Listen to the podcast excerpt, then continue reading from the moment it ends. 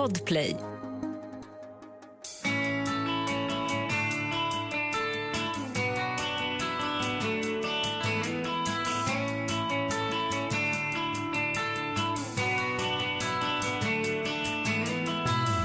Hej! Vad kul att du lyssnar på Hälsogåtan. Jag heter Anders Wallensten, är läkare, folkhälsoexpert och författare till boken Hälsogåtan. Och idag ska vi prata med Kerstin Brismar om fasta och hur det påverkar vår hälsa. Kerstin är läkare, forskare inom diabetes och hormonlära och författare till hälsoböcker. Dessutom har hon känd för många som kost och livsstilsexpert i TV. Hej Kerstin, välkommen hit! Hej, roligt att vara här. Ja, men verkligen kul att du är här. Eh, jag tänkte lyssna på det här. Jag tror att många känner igen sig. Jag vaknar på morgonen och går direkt till köket för att äta frukost. Och på förmiddagsfikat blir det kanske en frukt och sen är det dags för lunch och till eftermiddagskaffet kanske blir en kaka som slinker ner på väg hem från jobbet. Ska jag handla lite, då fyller jag på med en chokladbit. Och sen ska jag träna, så då, då blir det en bar i samband med träningen. Och då blir middagen ganska sen, så jag äter inte förrän vid åtta. Och när jag sen har tränat så hårt och ätit sent och fastnat framför tvn känns det bra att unna mig något. Så det blir gärna lite glass innan man lägger sig.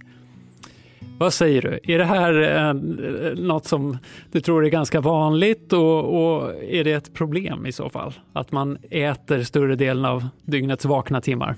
Ja, jag tror inte att det är hälsosamt. Jag tror att det, att det, det vi gör är inte bra för vår hälsa. Och framtida hälsa kanske inte just nu påverkar oss.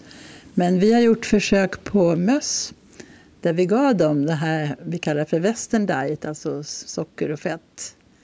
Och då ändrade de sitt ätbeteende. Då började de äta hela tiden, småäta. Precis som vi gör. Mm -hmm. och eh, fick liksom, annars, de som fick vanlig musmat, de åt bara vissa stunder. Liksom. Och de, möss äter ju på natten och sover på dagen. Men, och de här som fick det här god, godiset, om vi säger så, de började äta även lite grann på dagen när de skulle sova. Vad spännande. Ja, och det intressanta var att volymen de åt var inte större, snarare lite mindre eftersom de var så energität. Men kalorierna var mera. Mm. Och de, så om man tittar på volymen så åt de ju mindre, men, men inte kalorimässigt. Och de gick upp i vikt jättemycket. När vi tittade i hjärnan sen så hade de en inflammation i hjärnan. Mm. Så de hade mikroglia, alltså olika inflammationsceller såg lite överallt i hjärnan. Men framförallt i den regionen där man reglerar mättnadskänsla.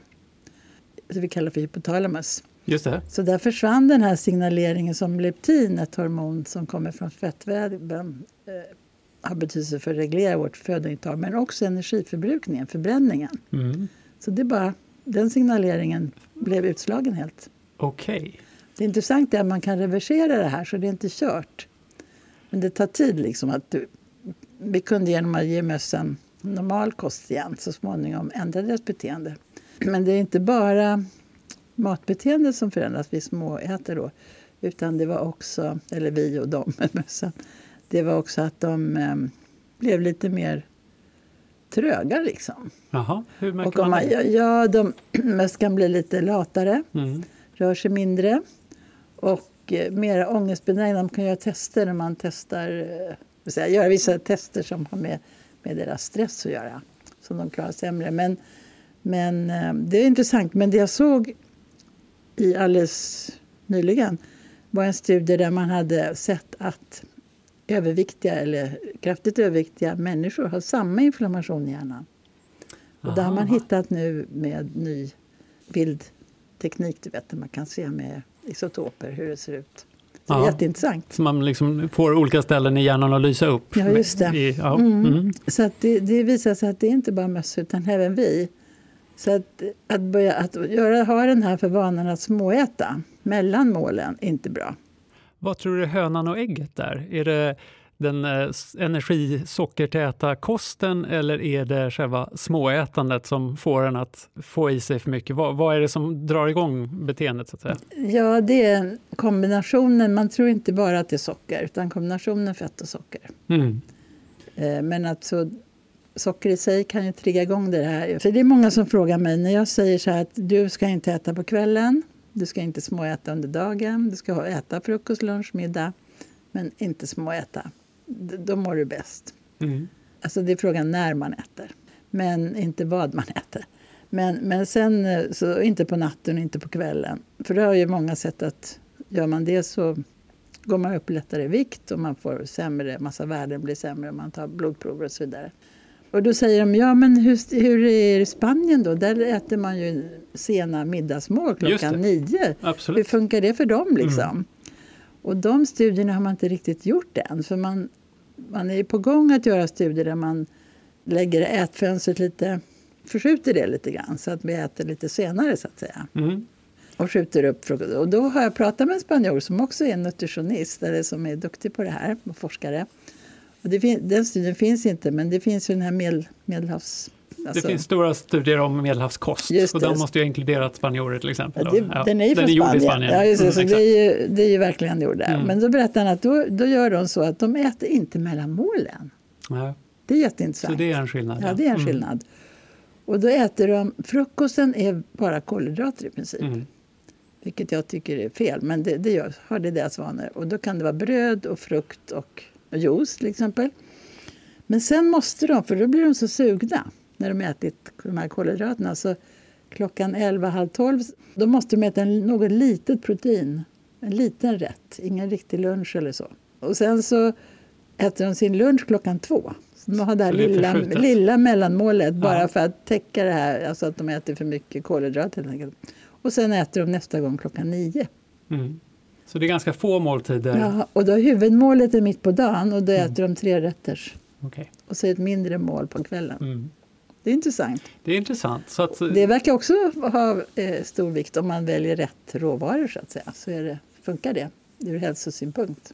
Ja, det här blir ju intressant. Mm. Jag tänker att den, i det här avsnittet så pratar vi inte kosten egentligen, nej, men det är nej. klart att det är olika typer av kost spelar ju mm. också roll. Men om man mm. tittar på rent Eh, om vi ska hålla oss till två saker idag, mm. tänker jag, och det är framförallt fasta då, mm. och också när på dygnet man äter. Mm. Och de här mm. sakerna har ju båda visat sig kunna påverka hälsoparametrar. Vi kanske kan gå in på det mm. lite. Om vi börjar med, eh, vad händer i kroppen när man fastar? Och vad är det som man har sett kan ge positiva effekter där? Då beror det på hur länge man fastar, ja. som avgör. Kort fasta, då är det bara positivt. Mm. För då, vad menar vi med kort fasta är nästa fråga. Det kan det vara fasta under ett dygn, det vill säga att vi fastar på kvällen och natten. Och fasta innebär att man får dricka sånt som inte innehåller kalorier. Det verkar säga fasta, att låta bli kaloririk kost eller dryck. Just det.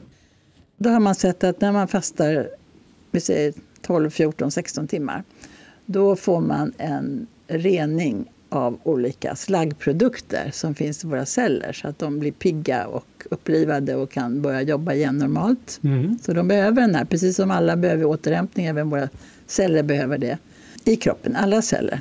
Immunförsvaret också, hjärnan, mm. musklerna, hjärtat etc. Lite samma som händer när man sover och, mm. och hjärnan får, får chans att städa lite så att exakt, säga. Mm. Exakt, så det, det är viktigt för städning kan man mm. säga.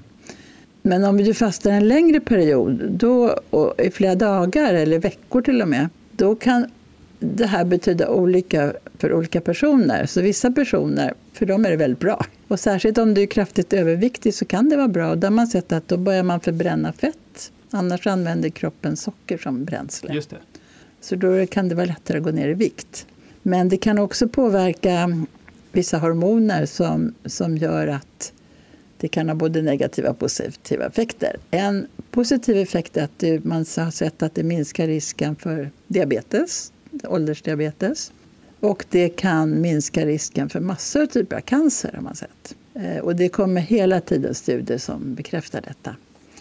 Men det kan också vara negativt. För om du fastar länge så försämrar immunförsvaret.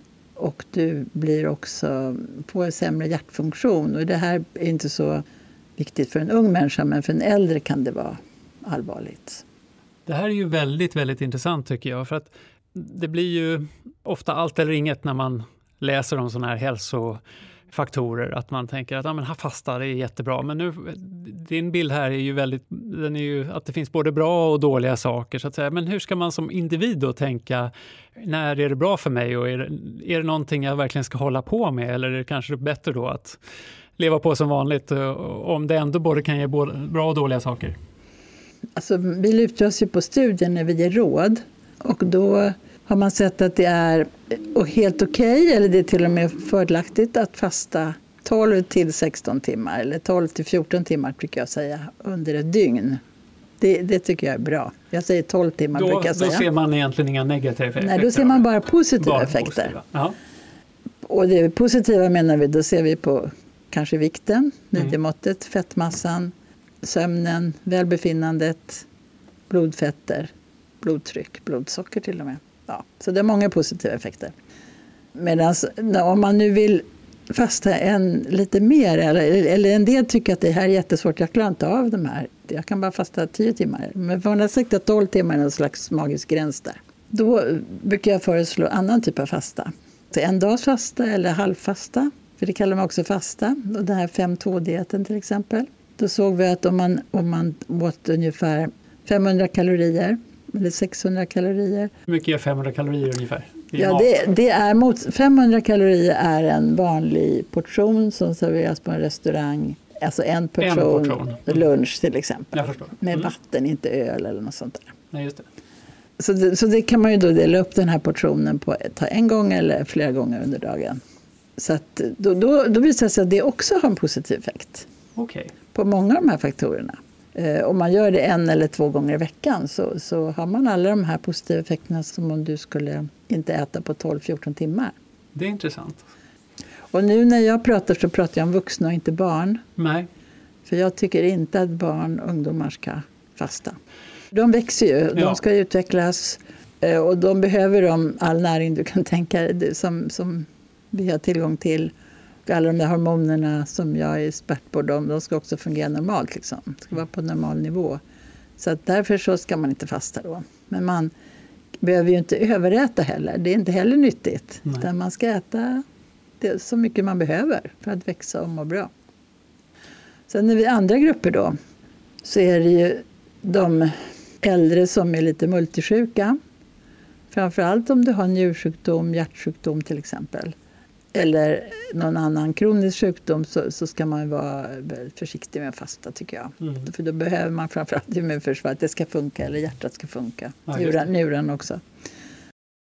Men man kan fasta, det här dygnsfastan Exakt. är fortfarande ja. helt okej okay för mm. alla grupper faktiskt. Ja. Även om du är hjärtsjuk. Eller, det enda gruppen som som inte ska fasta på det sättet jag har sagt tidigare, det vill säga 12-14 timmar under ett dygn, utan hellre småäta. Det är de som är väldigt eh, sköra och har gått ner mycket vikt och haft någon svår sjukdom. Så att där behöver de bygga upp kroppen. Och då ska de göra precis tvärtom. Det vill säga, de ska få i sig näring så mycket som möjligt. Och de kan ju bara äta små, små portioner, så därför måste de äta ofta.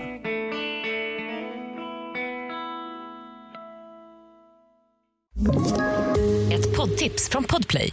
I podden Något Kaiko garanterar östgötarna Brutti och jag, Davva, dig en stor dos skratt. Där följer jag pladask för köttätandet igen. Man är lite som en jävla vampyr. Man har fått lite blodsmak och då måste man ha mer. Udda spaningar, fängslande anekdoter och en och annan arg rant. Jag måste ha mitt kaffe på morgonen för annars är jag ingen trevlig människa. Då är du ingen trevlig människa, punkt. Något kajko, hör du på podplay. Därför är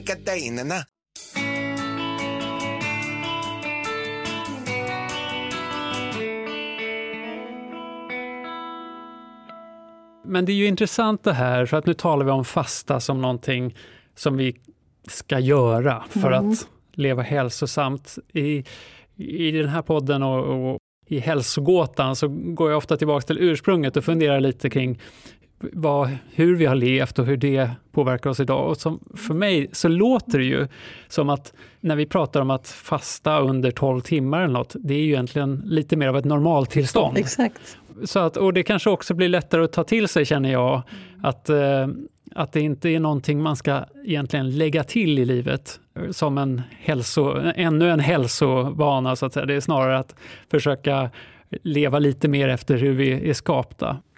Ja, men vi, vi som du säger, vi är skapta för att följa en dygnsrytm, sol och, och alltså ljus och mörker till exempel. Det är hela vår kropp inställd. Vi, vi har de här klockgenerna man har hittat som, mm. som reglerar det här. Så vi, vi bör göra det för att må bra, helt enkelt. Psykiskt också, inte bara fysiskt.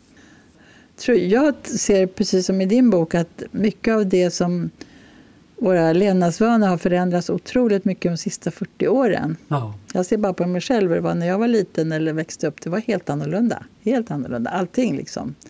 Så att ehm, det här med att vi stressar för mycket. Vi har inte tid liksom. Som vi köper snabbmat till exempel. Och då får vi, om vi äter för mycket av det, då får vi det här beteendet att äta ofta. Vi får ett sug. Just det. Ett slags beroende att göra, mm. stoppa i oss. Vi stoppar i oss mat för att lugna oss. Det är lugnande. Det går på det här systemet i hjärnan som ger en slags till, behovstillfredsställelse för stunden. Mm. Ungefär som alkohol och nikotin. Då. Så att vi blir beroende på det sättet för att en kort stunds lycka, så att säga, eller må bra. För att kompensera att för vi stressar? kompensera att vi stressar alldeles för mycket och inte har tid helt enkelt. Vi tar oss inte den tiden och det beror ju på vår livssituation. Så det har man också sett. Det, det tycker jag är roligt. Ja. För man har sett att när man ökar kroppstemperaturen lite grann genom att röra sig, då stänger vi av, intressant nog, eh, den här suget. Det är ju jätteviktig ja. kunskap. Ja. Mm. Så du vet när vi har feber, om det är väldigt varmt och så sommar vi har 30 grader ute, då är vi inte så sugna på att äta. Då vill vi mer dricka mm. vätska, men inte massa mat. Nej, just det. det är när det är kallt och vi, vi vill ha värme kanske. Rent så att, att göra oss själva varma genom rörelse och då kanske... Men, och det, det, här, jag tycker det är så fint när man ser att de här olika delarna av hälsa som jag tar upp i hälsogåtan och som du också beskriver i din bok, när det sammanfaller. Och, och det verkar ju nästan alltid som det gör det, att man får liksom en man kan genom att gå ut i skogen eller något få en liten hälsococktail av att man både gör gott för hjärnan och för kroppen och för att, att man helt enkelt får många hälsofaktorer på en gång. Men du nämnde här att just, att just vara i naturen i sig kunde minska sötsug. Mm, just det. det gör det. Hur, hur har man studerat det? Ja, det kan också vara via det här systemet som, som är dopaminsystemet som, som reglerar det här att vi vill ha, tillfredsställa vår akuta liksom, behov. Det kan också uppregleras av att vara i naturen. Just det. Man och då ersätter man... Om man, man går ner stress, om man stressar ja, av så kanske det blir mindre. Precis. Ja, just det. Mm. Men vad fint, det tycker jag var fint. Och då kan vi, har, vi, har vi också kommit in lite på det här med, eh, om vi tänker att vi är anpassade till en, en slags inre klocka som mm. är inställd på dagsljus och och att man ska bli trött på kvällen och liknande. Och där finns det då i alla fall en del studier kring att det är bättre att äta vissa tider. Mm. Men vad, vad, vet man om det här med just eh, vilken tid på dagen det är bäst att äta? Och, kan du berätta lite om det? Det man vet är att du ska helst inte äta efter klockan sju, säger vi, 19. Mm på kvällen. För då vet vi att vi kan tillgodogöra oss kosten sämre. Så att det vi stoppar i oss hamnar mer i fettväven i vårt förråd, energiförråd, än att vi förbränner det. Så jag brukar tänka själv på när om jag tar något på kvällen då att aha, nu hamnar det här i fettväven istället för att jag kan ta, förbränna det, använda det som energi. Så det är en orsak. Och sen det här cellreparationen eller den här förmågan att städa och rensa och få alla våra celler och våra tarmbakterier till exempel att eh, må bra. Det fördröjs ju, det så de behöver en längre period. Så, så under en dag, om man ska tänka mm. bästa sättet att äta, vad, utifrån vad forskningen vet om tidpunkter, hur lägger ja. man upp det då? Jo, då, då? Det bästa sättet är att äta frukost. Ja. Men det behöver inte vara jättemycket, men att äta frukost. Och det, och det ska vara en blandad frukost, eh, alltså olika näringsämnen. Och sen så huvudmålet ska vara mitt på dagen. Det är också viktigt. Och det mindre målet på kvällen. Aha. Och det funkar ju inte i en familj. Det funkar inte för oss, för vi, vi har vårt huvudmål med familjen. Det är meningen att vi ska sitta vid bordet och umgås och äta ja. tillsammans. Så, så i dagens samhälle så är det i stort sett omöjligt. Men, men att man kan försöka då att äta bara kloka saker helt enkelt. Just Anpassa oss. Mm till. Och inte allt för sen middag då? Inte för sen middag. Mm. Och det ja, är ju bara det... barnen glada för. Ja, exakt. Jag, minns. för, jag tror nästan också det har förskjutits lite. Det känns som att eh, när, när jag var liten åt man gärna vid halv sex. Sådär. Och nu är det senare, i alla fall i min familj. Det verkar ju ändå så väldigt olika på olika ställen i världen. Mm. Det känns som att i vissa länder äter man knappt frukost. I andra fokuserar man på att äta mycket till lunch och i vissa är det just middagsmålet som är mm. det viktiga. Mm. Och vi människor är ju oerhört anpassningsbara. Det är ju också en av mm. de gemensamma sakerna inom alla de här hälsoområdena. Så hur mycket roll tror du det här spelar? Är det verkligen så att det här måste jag ställa om mitt liv efter? Eller mer något som gör skillnad på marginalen? Ja, det, det, vet man inte, men jag skulle tro att det är mer skillnad på marginalen. Jag tror att vi får ju anpassa oss till hur livet ser ut och göra det bästa vi kan av det helt enkelt. Ja. Det jag pratade om Spanien förut, det var ju intressant för där kommer ju hela familjen träffas till lunch. De har ju ledigt från skolan så det är två, flera timmar de har tillsammans att äta det här huvudmålet så att säga. Mm. Så man har ändå chans att få en gemenskap kring Just ett huvudmål. För det är, för det är väldigt, väldigt viktigt. Väldigt viktigt, har ju också visat sig vara positivt för, för utveckling av barn inte minst. Att få vara med vid bordet och diskutera och, och, så. Så tidsfönstret är fortfarande riktigt, för så är vi byggda. Våra, alla, hela vår, vår kropp är inställd på att följa liksom en period av fasta och en period av att äta helt enkelt. Och det ska vara kopplat till dag och natt. Just det. Men sen är det ju också vad vi äter som spelar roll. Så ja. det är inte bara när, utan även vad. Ja, och i stort handlar det om att det är det här väldigt kaloririka och eh, som, som kan ställa till det. Mm, precis. Mm. Jag gissar att du har i ditt huvud satt ihop den här kunskapen till så här tror jag det är bäst att kombinera de här faktorerna för att uh, leva hälsosamt. Kan du berätta om, om hur du gör vad det gäller dygnsvila för och, och ätfönster och liknande? Mm. Nej, men jag, jag försöker följa, följa mina egna råd såklart och eh, då kan jag i perioder tycka det är väldigt svårt med den här eh, att inte äta på kvällen. Eh, särskilt om man man har vänner eller om det är en, ja, en speciell situation så att du äter senare. Och sen om jag jobbar mycket på kvällen, alltså jag kan sitta och jobba och då kan jag tycka det är gott att ha någonting. Så det, det får jag kämpa med lite grann, för jag tror fortfarande, jag vet ju själv att när jag gjorde det ohämmat, då gick jag upp jättemycket vikt. Bara av att äta på kvällen så att säga. Men när jag då skärpte det så kunde jag ha min normala vikt, gå ner i vikt så att säga. Så man mår inte bra heller av att gå upp en massa i vikt. Så jag försöker kämpa med det. Då försöker jag hitta på andra sätt att eh, av liksom, inte tänka på stoppa i mig. Har, har, du kommit på någon annan lösning? Som... Ja, det, jag har en lösning det är att jag kan dricka något varmt eller te eller kaffe för mig faktiskt. För, kaffe påverkar inte min sömn. Jag sover gott i tur det. Okej. Okay. Det tänker jag själv på också, just det att kanske i så stor utsträckning som möjligt inte äta just eftermiddagen. Nej, då, då, får man många av hälsovinsterna Exakt. utan att egentligen göra så mycket avkall.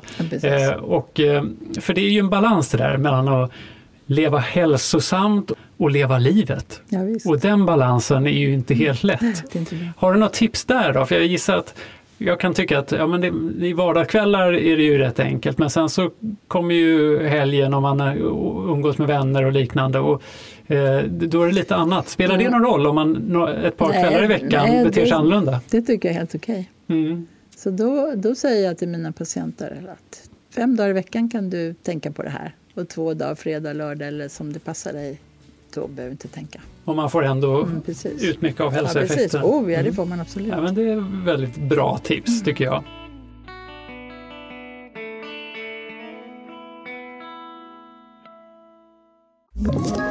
Ett poddtips från Podplay.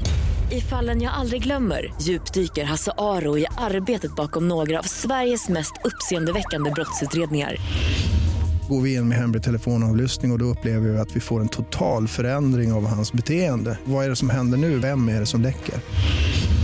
Och så säger han att jag är kriminell, jag har varit kriminell i hela mitt liv men att mörda ett barn, där går min gräns. Nya säsongen av Fallen jag aldrig glömmer på Podplay.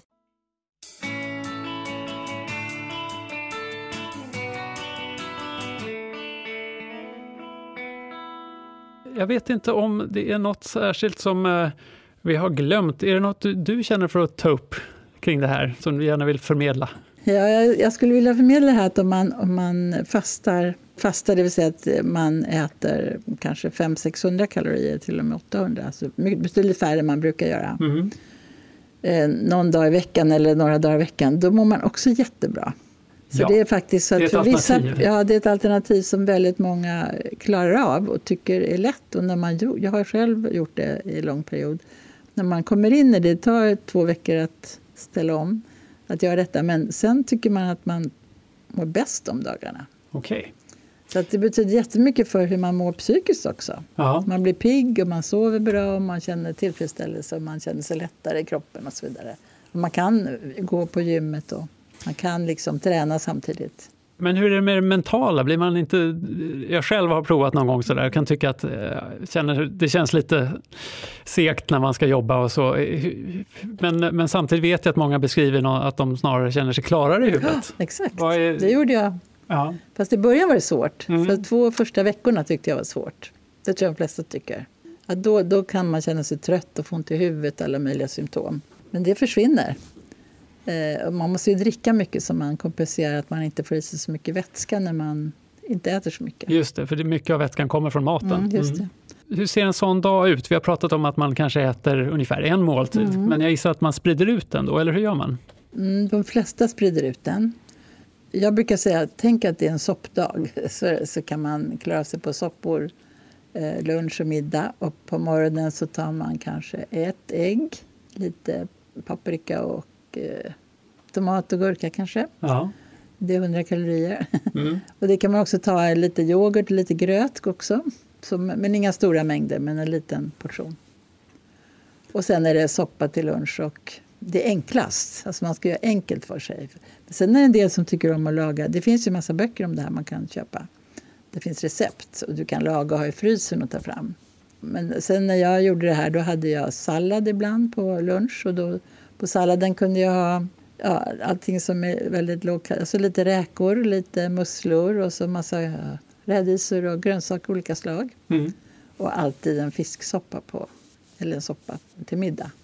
Och det blev 500 kalorier eller 600 ibland, inte ja. mer.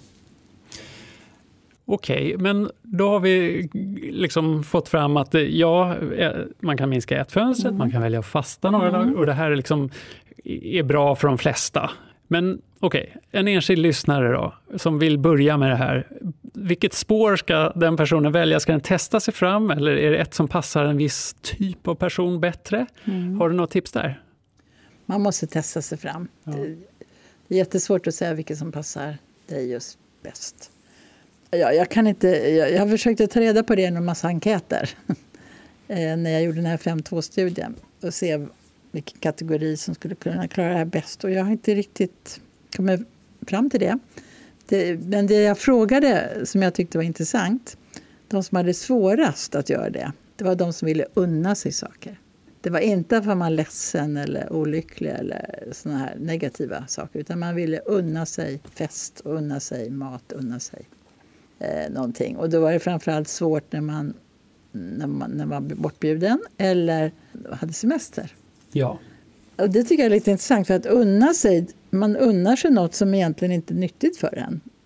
Det är lite lustigt, mm. eller hur? Ja, det är lite... Man... Men jag tror att unna sig betyder för oss att vi tillåter oss själva att fly undan eh, vardagens bekymmer kanske ett tag.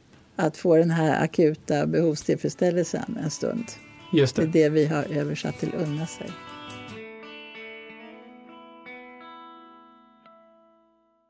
Vad, vad, finns det kvar för stora frågor inom det här med kost och fasta och hur man ska äta och så?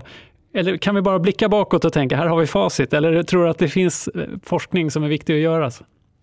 Ja, det finns mycket som talar för att, vi, att det finns stora skillnader mellan oss, från individ till individ. Eh, och det beror väl på att det har skett en slags anpassning gradvis.